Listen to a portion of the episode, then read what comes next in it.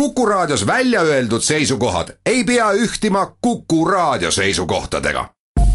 Te kuulate Kuku Raadiot.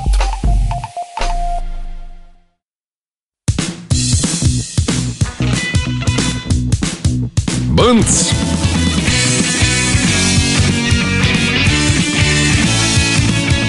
Põnts tere, head kuulajad! Eetris on saade Põnts ja täna me räägime riigieelarve strateegiast, natuke võib-olla riiklikest üürimajadest, siis võib-olla aga võib-olla ka vastupidi, et võib-olla rohkem räägime üürimajadest. No siis ka pensionitest. Ja, ja võib-olla, kui aega üle jääb, Reinsalu e-residentsusega seonduvast.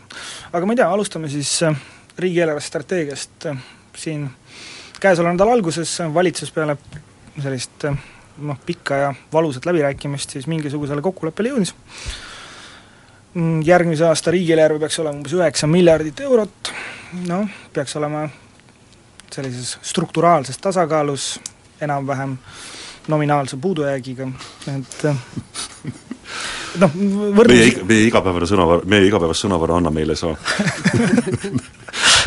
et noh, võrdlemisi omamatu asi on tegelikult see tõenäoliselt eh, suurele osale ka selle kokkupanijate jaoks, aga no ma arvan, et kõige õigem on küsida, et kui on kahekümne kaheksas aprill ja me räägime riigieelarve eh, strateegiast ja esialgsest nii-öelda nägemusest, mis täna muidugi on eh, maailma kõige ilusam asi, kõige nunnum asi, ta on nagu väike karvane suurte silmadega loom praegu, sest kõik said, mida nad tahtsid, kõik on väga ilus, Urve Palo, kes on kuulunud ka varasematel aegadel ka valitsusse ja on neid eelarve läbirääkimisi näinud, siis tegelikult praegu on ikkagi selline faas, kus kellelegi veel ei ei öelda tere aa ah, jaa ja., Urve Palo on meiega täna saates ma unustasin selle täitsa tere teile ja tere headele raadiokuulajatele! Minu meelest on selline faas, kus juba öeldakse ei, ei-sid ja, ja neid, neid ka öeldud. ja ma lugesin tänasest Postimehest peaministri intervjuud, mis oli tõenäoliselt siis eile antud juba, kus ta ütles, et see on jälle maailma parim eelarve et eks seda me kuuleme iga aasta ja, ja selles ei ole muidugi midagi üllatavat jah, sest kõik koalitsioonilepingus ette nähtud äh, toetuste tõusud, äh, siis kummaline, minu jaoks suhteliselt kummaline ja hoomamatu äh, nii-öelda see miinimumpalga saajatele mingite tagasimaksete tegemine, seda peaks, ma tahaks seda järgmine aasta füüsiliselt näha, kuidas see toimuma hakkab, ka see on sees, kõik on sees. noh, need on asjad, mis on meil varasemalt kõik kokku lepitud, et ma võib-olla mainiksin asja, mida ma üldse ei ole varasemalt näinud ja see on välislähetustasu maksustamise põhimõtete muutmine. et see on minu jaoks täiesti uus asi, noh kui ülejäänud asjade koha pealt ma olen noh, midagi kuskil kuulnud, mingid analüüsid on läbi käinud, siis äh, sellest ma ei tea mitte midagi. ja põhimõtteliselt ma saan aru siis, et äh, noh, välislähetustasud ehk siis päevarahade pealt hakatakse koguma noh, tööjõumakse vist, ma ei tea, Urve, kas sa tead sellest midagi rohkem? ausalt öeldes äh, sellisel moel küll mitte, et see oleks, oleks üllatus. Äh, ma tean seda, et äh, oli ju plaanis suurendada päevarahade, äh, mis ei ole maksu all, seda limiiti. seda tehti eelmine seda aasta. tehti eelmine aasta mm. -hmm. aga see, mis sellest limiidist üle läheb, see on ju maksu all olnud kogu aeg. et ma, ma nüüd ei teagi, mida nad siis veel plaanivad. ei noh, siin on mm, riigieelarve strateegia do-, strateegia dokumendis on välja toodud, et sellest eeldatakse järgmisel aastal viis pool miljonit äh, lisatulu et ma ei oska vot siin ma pean koos teiega käsi laiutama, et ausalt öeldes ei ole sellest kuulnud, ma ei, ei ole me ka seda ei juhtkonnas või fraktsioonis arutanud, et et see on siis midagi väga uut või värsket. mulle tundub ka, et ma ei noh, ei, ei tea isegi, et, et seal oleks raskeveokite, veokite teemaks on ka uus. No, jah, aga see on olnud arutelu all ja, juba ja, väga pikalt. seda on, seda on võimalik ka äh, ilma väga sügavalt midagi teadmata ette kujutada endale. kuidas see toimib, just? no vot, selle raskeveokite teemaksuga on noh, selle kohta on tehtud mitu analüüsi. ja seal on mitmeid erinevaid äh, viise, kuidas seda rakendada, rakendada kaalutud, et, et noh, selle taustaks on see, et Eesti on koos Soomega üks vähestest riikidest, kus tegelikult raskeveokide noh, teemaksu mm -hmm. eriti ei koguta. et noh, siis see on võrdlemisi loomulik ka selle kehtestamine, et ta võiks meile kuidagi jah, no sellega on selline lugu olnud, et seda ma uurisin ka ise majandusministrina juba mm -hmm. siis kaks aastat tagasi ja ja tol hetkel me jätsime selle tegemata just sellel põhjusel, et Majandusministeeriumi analüüsid näitasid, et kui see kehtestada, siis seda maksavad, see proportsioonid olid a la sellised, ma täpseid numbreid ei mäleta, aga et noh, a la kuus kuuskümmend miljonit aastas või, või ei, nii palju ei olnud, aga ühesõnaga suurusjärk äh, äh, miljoneid maksavad Eesti oma veo noh, vedajad ja siis äh, väikese osa sellest ainult siis väljastpoolt tulevad veokid, et, et sel, sellisel moel see tundus noh, mitte mõistlik teha, et, et et äh, teha meie oma veod ka veel kallimaks.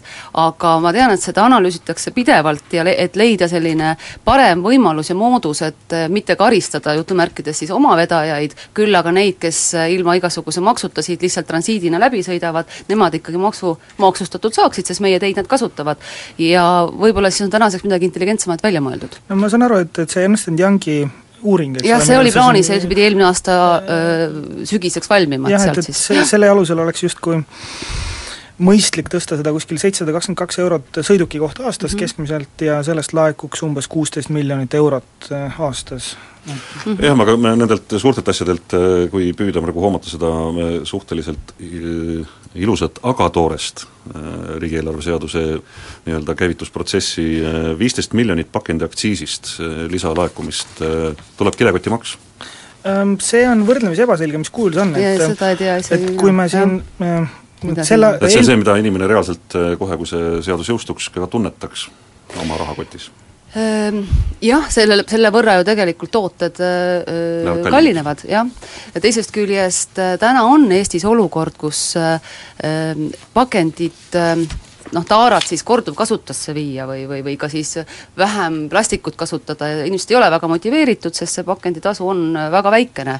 ja, ja nii see on kahe otsaga asi, et kui see pakenditasu oleks mõnevõrra kõrgem ja motiveeriks inimesi rohkem sorteerima ja ka äh, kasu-, mõ-, mõtlema, millist pakendit nad kasutavad, siis äh, noh, siis see võiks meid rohelisema, rohelisema riigini viia küll ja ma arvan, selles mõttes on see, on see lähenemine on, on arusaadav, aga kuidas see nüüd ellu viiakse, seda peab jälgima, et ega ma ka täpselt seda ei tea, seda ei ole välja töötatud. kõik need asju, mida me täna vaatame, et ega me ütleme, et, et jah, tundub, et on äkki, äkki on, äkki ongi mõistlik, äkki ongi rohelisem, aga võib-olla kui see realise-, täpselt, ei tea, ja seda peaks, peab hoolega jälgima. no see pakendiaktsiis niikuinii tuleneb juba koalitsioonileppest selles mõttes.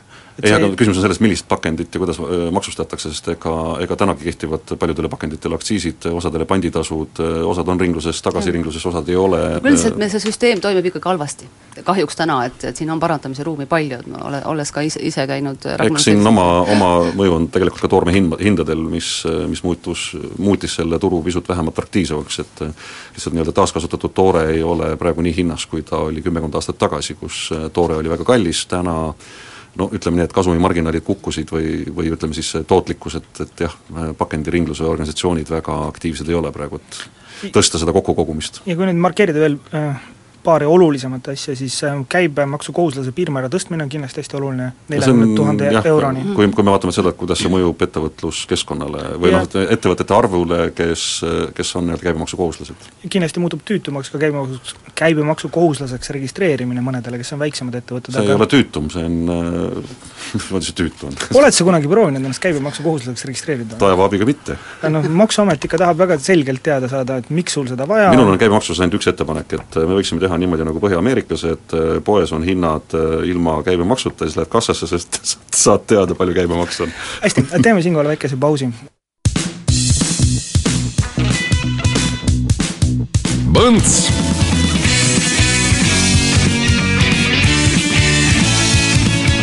Põnts jätkame. Ja stuudios kaitseb ajakirjanike mundriau Huko Aaspõllu, poliitikute mundriau Urve Palo ja ametnike mundriau Janek Luts. Ja rääkisime riigieelarvest, mis on väga embrüonaalses faasis praegu ja kõik tundub praegu väga ilus, tõenäoliselt suuremaks kritiseerimiseks ja, ja, ja selliseks nii-öelda muretsemiseks läheb juunis, rääkimata siis veel sellest, mis juhtub augustis ja septembris, enne kui riigieelarve eelnõu hakkab jõudma siis Riigikokku.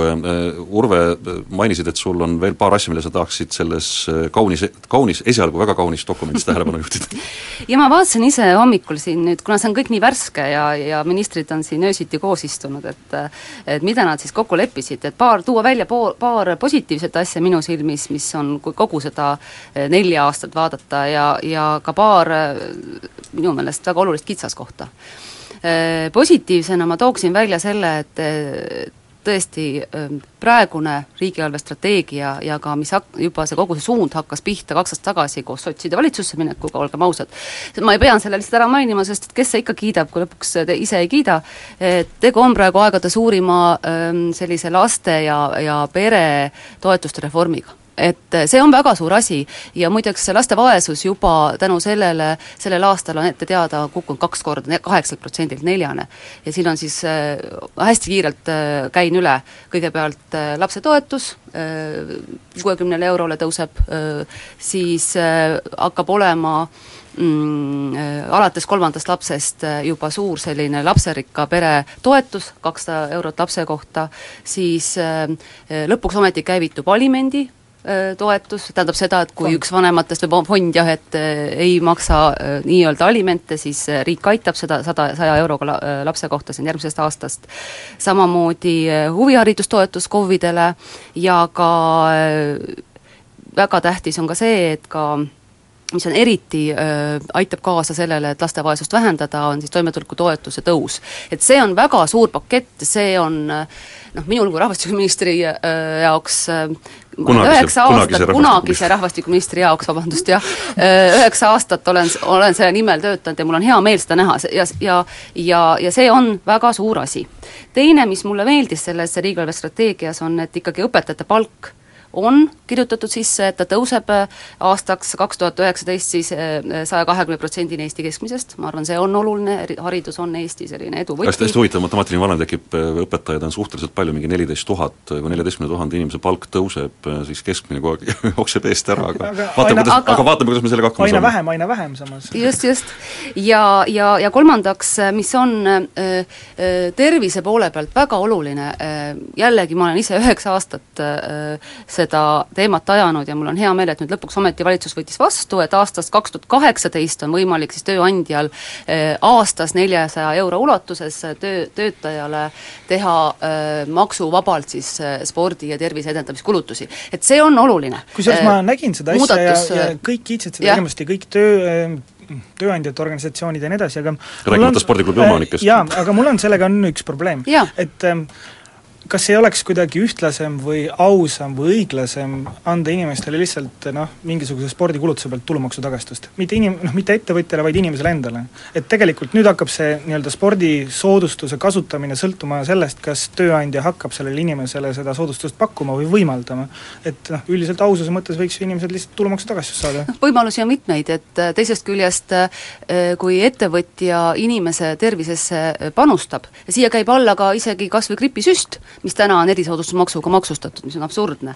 et siis äh, ikkagi see on ju kulu ettevõtja jaoks, et ta selle kulutuse teeb, selle teeb nagunii, lihtsalt ta ei pea lisamakse maksma, et et tegelikult, et, et ka noh, suunata ettevõtjaid selles suunas mõtlema, et kuidas ma oma inimeste tervisesse saan rohkem panustada ja neid sellel, sellesse äh, valdkonnas nagu siis suunata äh, tervise edendamisele.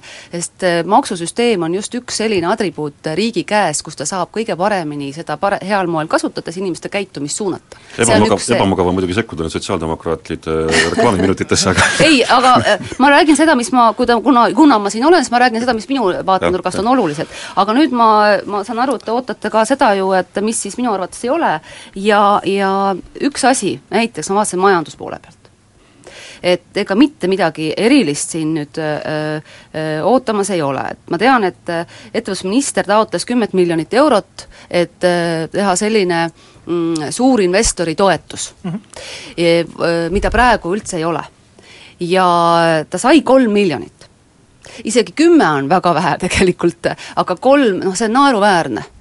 Ja, ja noh, see näitab minu meelest valitseva erakonna või siis ütleme, selle valitsuse sellist prioriteetsust.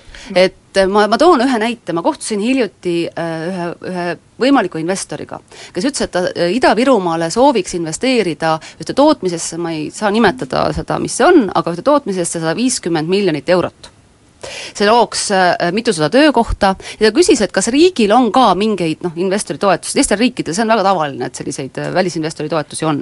meil ka vanasti oli. Ja ma ütlesin selle peale, et ma tean, et ettevõtlusminister on minemas valitsusse, et kümmet miljonit taodelda. selle peale ütles see potentsiaalne välisinvestor, et jaa, et kümme miljonit, noh, et sellest võiks ju abi olla, ma ütlesin, et ei, ei, see on nagu kogu toetus on kümme miljonit, mitte investori kohta. ja siis ta lõi käega, ütles, et ahah, selge, et kümme miljonit on Eestis väga õnnetu arv, et kasutage üheksa või üksteist et, et ma tahan seda lihtsalt öelda, et, et äh, see raha mis pannakse suurinvestori toetusesse, see tuleb tagasi, see tuleb kordades tagasi, aga, aga seda ei ole tahetud teha. teine pool, ähm, kui ma vaatan seda omavalitsuste äh, äh, tulubaasi kasvu ja, ja vaatan seda ähm, haldusreformi nii-öelda, kuigi tegelikult tegu ei ole haldusreformiga, vaid haldusterritoriaalse reformiga, ehk siis need piiride tõmbamisega, siis siin ähm, ma olen täiesti sellel veendumusel, et kui rahaline võimekus omavalitsustel ei kasva, siis äh, piiride tõmbamisest üksi ei aita ja nüüd väga-väga suure võitluse tulemusena õnnestus saada meil kakskümmend viis miljonit eurot siis lisaks aastaks kaks tuhat kakskümmend omavalitsuste tulubaasi juurde. ja läbi selle, et see pannakse tasandusfondi, millest näiteks väga paljud omavalitsused ka siin Tallinna lähiümbrus üldse osa ei saa. et arvestades, et aastaks kaks tuhat kakskümmend kasvab riigieelarve maht umbes miljard eurot, minu arust rohkemgi siis et kui ei tahetud leida sealt äh, äh, rohkem vahendeid, et omavalitsusi aidata äh, ise hakkama saada, sest see, mis omavalitsustel praegu toimub, et käsi pikkas keskvalitsuse poole kogu aeg, see minu meelest ei ole jätkusuutlik aga ma siiski nüüd sekkuksin, enne kui see ja. saate pooltund läbi saab, et et punkt üks, mulle tegelikult väga imponeeris näiteks neljasaja kroonine, vabandust, meil on euro juba, selline toetus, nii-öelda kompensatseeri-, kompenseerimine, kõik muu, et noh, et, et meil hakkab varsti nagu loogika hakkab vastu, et ühest küljest me tahame, et inimene võtaks ise rohkem vastutust, teisest küljest me tahame seda vastutust talt ära võtta ja panna selle vastutuse siis nii-öelda tööandja peale et äh, ei, võtame sellesama, et kui, kui seda raha keegi tööandjalt äh, või töövõtjalt ära ei võta ju. ei, kindlasti ei võta see palk jääb ikka palgaks, et see on lisavõimalus. siis me hakkame lihtsalt pärast jälle kurtma, et, et inimene ei tunneta kogu seda koormust, mis äh, näiteks läheb tema töö, tema tööle palkamine maksma, mis kõik need muud jälle asjad. vaidlen vastu, see ei, ei ole ju kohustuslik, jah et, et, et noh, et selliste toetuste maksu, kuigi ma näen, et noh, et, et järjest rohkem me liigume ka selles suunas, et erinevad toetused tõusevad, soodustused tõusevad, et tõesti varsti, et noh, et, et neid asju mitte väga administreerida, kuulge, lepime siis kokku, et maksame igale ühele selle kodaniku palgaosa selle vastu ma olen absoluutselt. Et, et meil oleks diskussiooni küll ja küll. Põnts.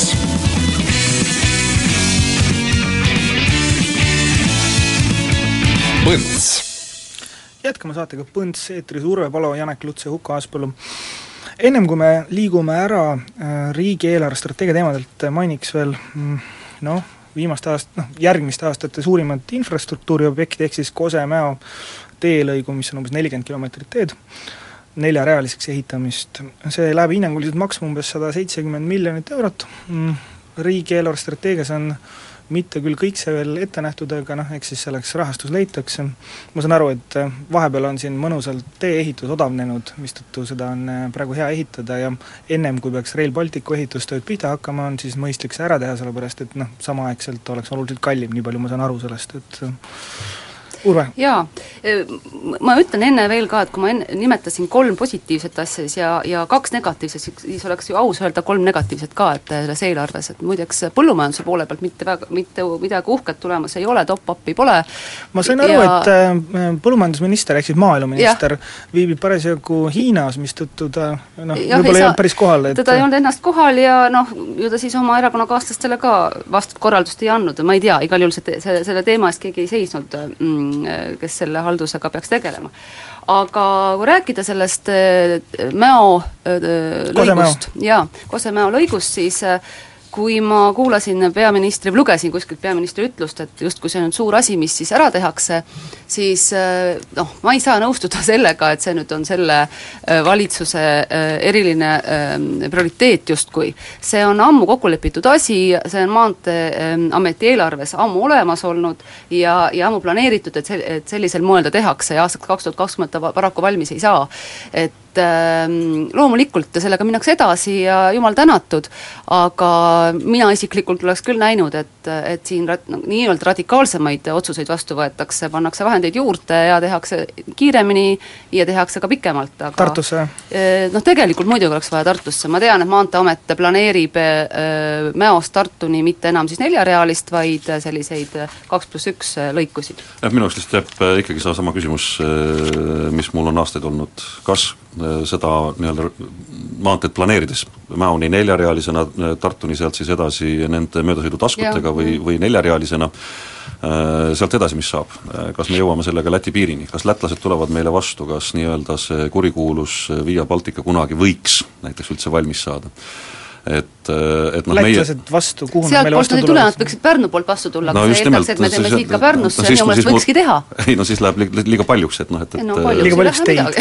ei no see on, noh, kui me võtame, et need kiirklassi teid, et et noh, et kas meil on mõtet seda niimoodi teha ja kas me ei investeeri siis üle, seda enam, et kui me teame, et mingil moel võib tulla see kurikuulus Rail Baltic, ehk siis raudteetrass, mis on suhteliselt kiire ja mille trassivaliku puhul praegu äh, kui mälu mind ei peta, on vist Pärnu suund sisse jäänud ja. veel, äh, siis äh, nüüd ongi küsimus selles, et noh, et kas siis ehitada veel äh, Pärnust Läti poole välja kaherea-, neljarealine sõidutee, kui no. meil juba siit Tartu suunas liigub üks asi.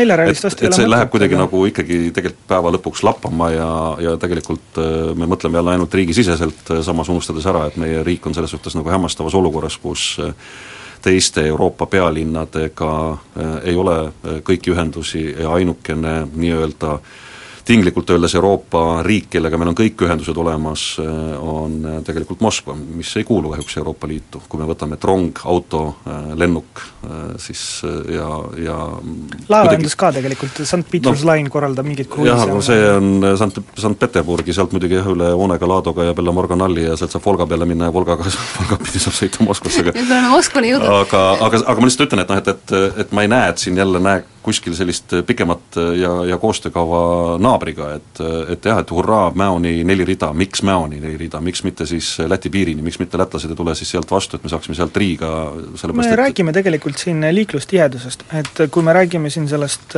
Tallinn-Tartu maanteest, et siis selle liiklustihedus on lihtsalt kõige suurem, et tänane, tänane keskmine liiklussade on seitse tuhat kuni üheksa tuhat autot ööpäevas. See ei puutu minu jaoks praegu üldse asjasse, minu jaoks, kui me, kui me ehitame neljarealisi teid, kui me ehitame raudteed, et siis me peame mõtlema, mis on praegu liiklustihedus, me peame mõtlema, mis on kümne-kahekümne aasta pärast. muideks, nõus, aga äh, sellele lisaks minu teada liiklustihedus on Pärnu suunal äh, suurem kui Tartu suunal, aga Tartuga äh, seostab see, et, et see on ikkagi ühendus Lõuna-Eesti piirkonnaga ja ja see on puhtalt regionaalpoliitiline meede muuhulgas, et, et sellest ei saa üle ega ümber ja, ja õige Baltikum ongi regionaalpoliitika, Eestit sellest ära lahutada, noh, koomiline.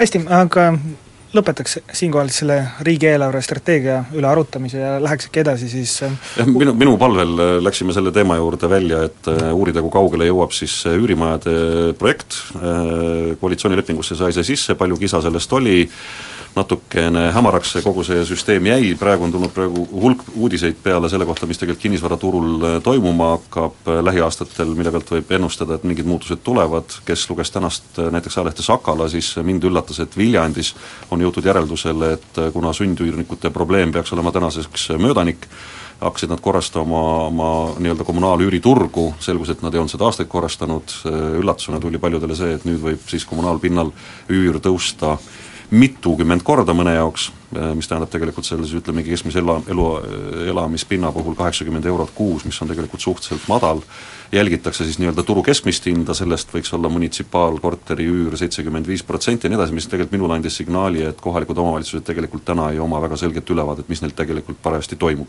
ja lugesin ka siis äh, uudist Merkolt, kes siis teatab, et kuna riiklikke tellimusi jääb nii, nii vähe äh, lähiaastatel, et siis tõenäoliselt ka nemad sisenevad äh, nii-öelda elamuehitusturule äh,, mismoodi, kas ainult ehitajana või hakkavad sinna panema ka investeeringuid, seda me veel ei tea, nii et äh, tegelikult aastatega on andmed muutunud, kaks tuhat seitseteist sellele kurikuulsale äh, nii-öelda üürimajade projektile on määratud kaks koma viis miljonit, kui ma ei eksi, ja see ei ole väga suur summa ja teisalt on meil tõstatatud üles Valgas ja Kohtla-Järvel hoopis teistsugused probleemid, tühjenevad kortermajad, kus on korteriomand ja inimesed, kes jäävad sinna majadesse lõksu veel elama, mis nendega teha, kuidas maha lõhkuda tühjenenud maju, kuidas paigutada inimesi ümber ja kuidas tekitada hoopis kolmandal vajadusel äh, üüripindasid Just. Urve, kas oskad sellele see... kolme minutiga vastata see teema on väga mitmetahuline, täpselt nagu eelkõneleja ütles, et siin ei ole ühte võluvitsa, siin on vaja tegeleda väga paljude erinevate ma lihtsalt küsin, kas, kas, kas andmed on nii palju muutunud, äkki enam ei ole üldse vaja aga seda? vastupidi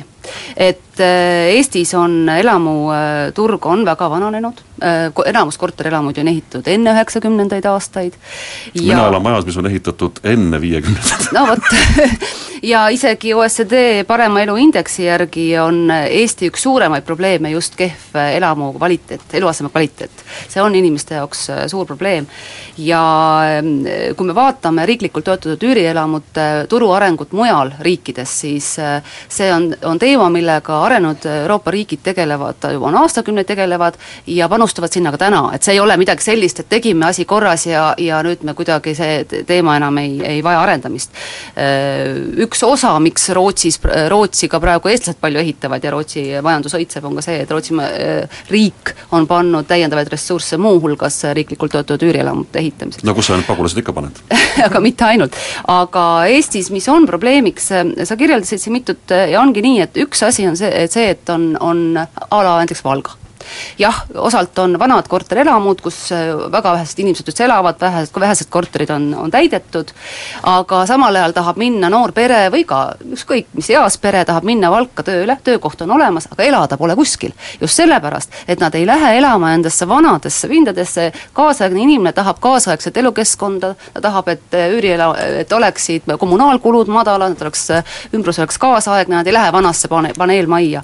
ja ka Majandusministeerium äh, tegi nüüd hiljuti täiendava uuringu veel, ta küsitles seal või küsitleti tuhande kahtesadat viitekümmet inimest, kes siis ütlesid niiviisi, et jah, just sellises olukorras, kui nad oma tänaselt elupinnalt ära lähevad selle tõttu, et et töökoht asub mujal, ehk siis Eestis on see tööjõu mobiilsus on väga väike, inimesed ei liigu vastavalt töökohale, aga võiksid. siis nad eelistaksid, kakskümmend kuus protsenti ütles, et nemad eelistaksid elada üürielam-, üüripinnal ja just põhjus on selles, et punkt üks, neil ei ole kas raha, et osta endale, või nad ei tahagi, sest nad ei ole kindlad, et kas see töökoht sobib, kui kauaks nad jäävad ja nii edasi. et ähm, ja, ja mis on veel oluline, kolmkümmend viis protsenti ütles niiviisi, et kui tal oleks täna võimalik äh, endale rentida kaasaegne üüripind taskukohase kvaliteet, kvaliteetne pind taskukohase hinnaga, siis ta võib-olla üldse siit linnast või asulast, kus ta täna on, ära ei läheks Äh, sest kui juba sa lähed ära, sellepärast et sa ei taha hakkama, siis sa ei lähe mitte ainult Tallinnasse, vaid lähed piiri taha. nii et ähm, aga no, ma ei oskaks ka vastata teistmoodi sellisele küsimusele, et ma läheks, ma läheks ka üüripinnale, kui see oleks veel kvaliteetsem kui see, milles ma praegu olen. asi on selles, et äh, miks ei tule uusi üüripindu, e, eriti noh, ütleme Tallinnast väljaspool, sest elamu ehitamine äh, on eramus, on siis erasektorile, eramu ehitamine on kallim, kui ta hiljem siis suudab neid kortereid maha müüa või ka rentida. sest äh, äh, pangad annavad laenu lühiajaliselt, viis kuni seal seitse aastat, ja selle ajaga ei ole võimalik neid välja rentida no, normaalse hinnaga. et mis on riiklikult toetatud üüripindade mõte, on see, et need äh, pangale maksetähtajad on palju pikemad, on kakskümmend, kakskümmend viis aastat ja sellest tuleb ka soodsam rendihind. ja nad juba ehitatakse ka sellist väiksemad, need ei ole luksuskorterid, nad on kaasaegsed, aga väiksed, madalate kommunaalkuludega ja nii edasi. Urve, et ma võtan siinkohal sõna, et mm -hmm see uuring on muidu väga huvitav, ma soovitan sellega tutvuda, et see peaks olema kuskil Majandus- ja Kommunikatsiooniministeeriumi noh, veebisaidil väljas, et selle järgi on ka võimalik öelda, seitsekümmend neli protsenti inimestest ei ole nõus riiklikul üüripinnal elama, sellepärast nad tahavad elada oma majas, oma korteris ja nii edasi aga no jumal tänatud, kui kõik tahaksid, mis siis saaks, kust me need võtame? aga noh, et noh, eks see on natukene selline filosoofiline küsimus, et, et mõnes mõttes võib ju alati ka öelda, et kui inimene tahab kuskil elada, et siis ta võiks selle, selle pealt turuhinda maksta, et miks, miks peame maksumaksja rahaga siis ehitama mingisuguseid ei, aga vaadake, see ei ole maksumaksja rahaga, see on, see on maksumaksja raha toel ehitatakse, aga aga lõppkokkuvõttes nad tasuvad ennast ise ära, et sinna maksta mitte peale aga see ehitaks, ehitaks neid asju siis Tallinnasse, kus meil on kõige kõrgemad üürihinnad? Äh, jaa, ja, ja, ja see peakski olema, siin on kaks aspekti, üks on see tööjõu mobiilsus üle Eesti, et inimesed ka ma ei tea, Ida-Virumaalt Viljandisse äh, saaksid kolida, kui töökoht on seal, Ida-Virumaal enam ei ole. aga näiteks kui Tallinna näitel, siis ka siin võiks, on, on turgu vägagi äh, madalapalgalistele spetsialistidele, noortele, et nad saaksid oma elu alustada ja saaksid hakkama, sest et palgad niimoodi nipsust ei tõuse meil üleöö, pal-, paraku. no palgad tõusevad meil väga kiiresti, aga teeme mm -hmm. siinkohal ühe pausi.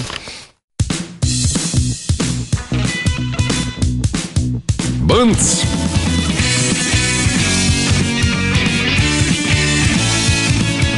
Põnts jätkame saadet, jätkuvalt stuudios Urvo Palo, Huko Aaspõllu ja Janek Lutsi ja me jätame nüüd korraks selle elamuteema kõrvale, et kui see asi ja plaan natukene konkreetsemat ilmavalgust hakkab nägema, siis saab selle juurde kindlasti tagasi tulla, nii et rallime aga edasi ja me tõukusime siis sellest riigieelarve nii-öelda ilusast kaunist kavast. Ja me ei ole kordagi veel rääkinud väga põhjalikult sellest, et et see, et kõik saavad midagi ja isegi see üürimajade projekt võib saada kaks koma viis miljonit, kujutage ette, kaks koma viis miljonit äh, kinnisvaras, uh, ma ei kujuta palju ERM maksab näiteks Eesti Rahva Muuseum äh, selle väljaehitamine, see jõuab praegu sellel aastal ma arvan viiekümne miljonini küll. aga see selleks, et siis tasuta lõunaid ei ole, kuidagi me maksame selle kinni äh, ja poliitikud tulevad meile alati meie enda Samad rahaga noored, kes jäävad tänu sellele Eestisse, maksavad selle hiljem kinni. hiljem hiljem, kui nad saavad tööle ja, ja maksumaksjateks. aga tahtsime teha täna äh, kiirpealelennuga ühele teemale, mis äh, siis nii-öelda väga oskuslike võtetega tõsteti päevakorda tänu Eesti Ekspressile, mis puudutab siis pensionifonde ja tõsteti teda päevakorda sellega, et on olemas rühm inimesi, kes arvavad, et kui neile usaldada kokku kolm koma, äh, kolm koma, vabandust, lihtsalt otse öeldes kolm miljonit eurot investeeringuraha, et siis sellisel juhul nad tõmbavad pensioni, ühe pensionifondi veel käima. Äh, noh, see kolm miljonit on tegelikult äh, noh, seadusest tulenev omakapital, et, et see ei olegi noh, see ei ole umbes, et paneks kolm miljonit kokku ja hakkaks selle pealt noh, rallit sõitma, aga noh, mis selle sisu, asja sisuks on see, et, et Eestis on noh, Äh, pensionide valitsemistasud on olnud ajalooliselt võrdlemisi kõrged. ja tegelikult on riik seda ka nüüd äh, langetanud aastast aastasse ja noh, seadusega ja toonud seda märgatavalt allapoole, et alguses nad olid, äh, olid palju, palju noh, suuremal tasemel kui praegu, sellepärast et praegu on madalama valitsemistasuga pensionifond Swedbanki konservatiivne pen-, pensionifond, mis oli null koma jah, null koma jah, aga kuuskümmend viis midagi. ja siis ähm, ära koorma, ära koorma inimesi nii spetsiifiliste arvudega jah, et äh, meil ei ole ühtegi passiivset fondi, mis investeeriks äh, noh, mingisugusesse indeksisse, mingisugustesse indeksfondidesse, mistõttu kõik on aktiivselt juhitud äh, ja need valdustasud on võrdlemisi kõrged. ja noh, siis väga tubli grupp aktiviste otsustas seda asja muutma hakata ühte või teistpidi ja, ja ma ei näe selles mitte midagi laiduväärsed tegelikult. just, see on, see on väga tervitatav, sest mis iganes põhjusel siis Eestis äh, konkurents äh, olemasolevate fondide vahel äh, noh, ei toimi nii, nagu võiks.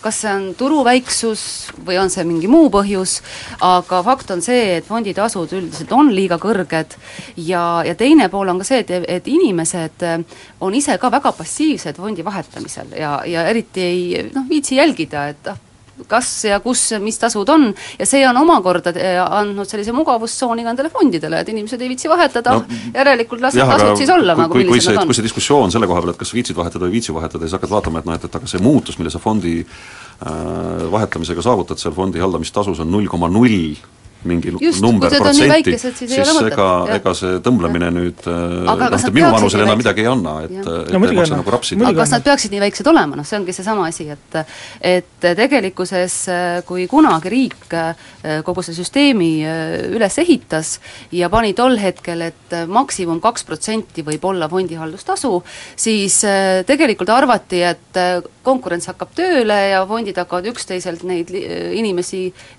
noh, üle ostma või enda enda juurde meelitama ja see kaks on igal juhul lagi, mida ei kasutatagi. aga juhtus nii, et kõik panid kõmdi kaks ja nii jäi. siis, siis mõni aeg hiljem riik vaatas, et asi ei toimi, võttis vastu seaduse, mis tegi lihtsamaks selle, et inimesed saavad fonde vahetada, et see oleks kõik igatepidi lihtsam. ikka ei toiminud. siis riik tegi järgmise otsuse, et näitas ära, et kui on sul noh, pani selle fonditasu sõltuvusse äh, raha mahust -hmm. mida sa hoiad seal. ja noh, see natukene liigutas seda, seda pilti, aga aga ikka mitte piisavalt, nii et mina ütleksin siin, et väga tervitatav, et tuleb üks selline vihane uus äh, fond, kes seda kogu seda tiiki raputab, konnatiiki aga siin muidugi peab arvestama, et praegu on tegemist veel, äh, taaskord peab kasutama sõna embronaalse mõttega, me, kus siis praegu vist on kapitali pandud äh, nii-öelda sellesse ühisusse kakssada tuhat eurot ja, ja tegelikult käivitus siis koos selle Ekspressi artikliga nii-öelda esimene tõsisem kampaania ja, ja, ja kõikide nende asjade puhul tuleb alati jälgida seda, et kes, kui palju, kuidas see asi on üles ehitatud, seda asja mängitakse ainult usalduse peale. see usaldus ei ole üheks aastaks, kaheks aastaks, me räägime ikkagi kümnetest aastatest, mille peale see aeg läheb ja, ja kuhu see, kuna seda raha sul kasvatatakse. nii et see kõik ei ole nii üks-ühene, et kui see fond saab valmis, ta saab oma kolm miljonit kokku, äh, seda põhikapitali, et üldse tööle hakata ja, ja fondi pidama hakata, siis me alles näeme, et noh, et, et millised saavad olema siis nende need äh, tasud ja täna on lihtne öelda, jah, need tasud on liiga kõrged, seal null koma null ja, ja äh, muutused, aga millised saavad tema tasud olema, seda ma ei tea, sest lihtsalt praegu on pandud üles loosung, meie tasud saavad olema kindlasti madalamad äh,. Nagu üks äh, pensioni, agressiivne pensionifond ütleb, et meie tootlus on kõige kõrgem, samas on nende äh, teenustasud, mitte teenustasu, vaid see haldamistasu on ka kõige kõrgem. raha võetakse mujalt. aga noh, usalduse küsimust ma siinkohal mm -hmm. ei tõstataks, sellepärast et ähm, tegelikult Miks? kui see see investeerimine on puhas usaldusküsimus? kui sa, kui sa selle mm, tulundusühistu poolt selle kolm miljonit kokku saad, siis nad asutavad aktsiaseltsi, mis hakkab olema see pensionifond. ja see pensionifond hakkab alluma Finantsinspektsiooni järelevalvele, mistõttu see usaldusküsimus võiks olla noh, natukene tee-, laua pealt maas et kui me räägime nendest valitsemistasudest natukene maas? Äh, noh, jaa laua ääre peal. ei no kuule, midagi ei ole siin maailmas kindlat, et see on ka selge, aga, aga surm ja maksud. noh, selles mõttes ei ole, aga ei ole mõtet ka liigselt karta seda asja. aga ka... vabandust, et siia vahele, et tegelikult fondil endal on ju kohustus ka oma osalust seal hoida, et see sõltub siis, ma ei mäleta, kas see oli kolm või viis protsenti kogu sellest mahust, et, et see, see aitab ka selle usaldusele kaasa, et ta riskib ka oma vahenditega. ja kaks, et mis puudutab neid äh, noh, haldustasusid, et siis loomulikult, et kui sa ei aktiivselt ei juhi fondi, et siis su kulubaas on märgatavalt madalam. sul on vaja mingit kriitilist massi inimesi noh, kokku saada, et, et noh, see asi ennast ära tasuks, aga kui see on koos, siis on kõik hästi. ja kaks, et äh, ega need inimesed, kes hakkavad sinna pensionifondi oma sääste paigutama, need ei hakka olema selle tulundusühistu liikmed või need ei hakka ole, osalema selles ettevõtte noh no,, omamises nii-öelda. et need on täpselt samamoodi noh, pensionikogujad nagu iga teinegi siin. et üks viga küll, mis ma leidsin nende materjaliga tutvudes, et nad väitsid Ekspressi artiklis, et minimaalne valdu äh,, see pensionifondi valdamistasu on pool protsenti aastas, et see tegelikult ei vasta absoluutselt tõele, et ma isegi tean, kus nad selle vea leidsid, aga mm -hmm. ma igaks juhuks rääkisin veel Rahandusministeeriumiga üle, et kas ma ei suuda seadusi lugeda. ei, noh, kuna aeg saab kohe, saateaeg saab kohe läbi, siis eh, ärme kaldu liiga palju sellesse, et analüüsida, et kas seal on auväärsed inimesed täna kambas ja nii edasi ja neil on väga hea äh, avalikussuhete osakond juba palgatud, kes äh, suudab suutis meile selle teema ära anda ja me suudame sellega tegeleda, aga mul ei, ei saa mitte kuidagi hukka mõista seda, kui konkurents tiheneb. just, ja see, see paneb mõtlema mõtlema ka olemasolevad pensionifondid ja pangad, kes sellega tegelevad, et vaatame oma asju üle ja et, igal juhul on see, on see vägagi tervitatav. Kuigi ma ei ole kindel, et kõik need inimesed, kes täna on kahekümneaastased, lähevad näiteks pensionile kuuekümne viie aastaselt ja ja milliseks kujuneb nende jaoks pensionisüsteem, mina täna ei vastuta. mina võin öelda küll, et see kujuneb vajaduspõhiseks, ehk siis inimesed hakkavad saama vajaduspõhist pensionit, kui sul ikka nagu noh, silm on selge ja käsi veel tõuseb, et siis siis tuleb tööd teha. siis tuleb tööd teha. aga siinkohal peame kahjuks lõpetama, aitäh saate külaliste, külalisele Urve Palole, aitäh kuulajatele ja kohtume nädala pärast! Põnts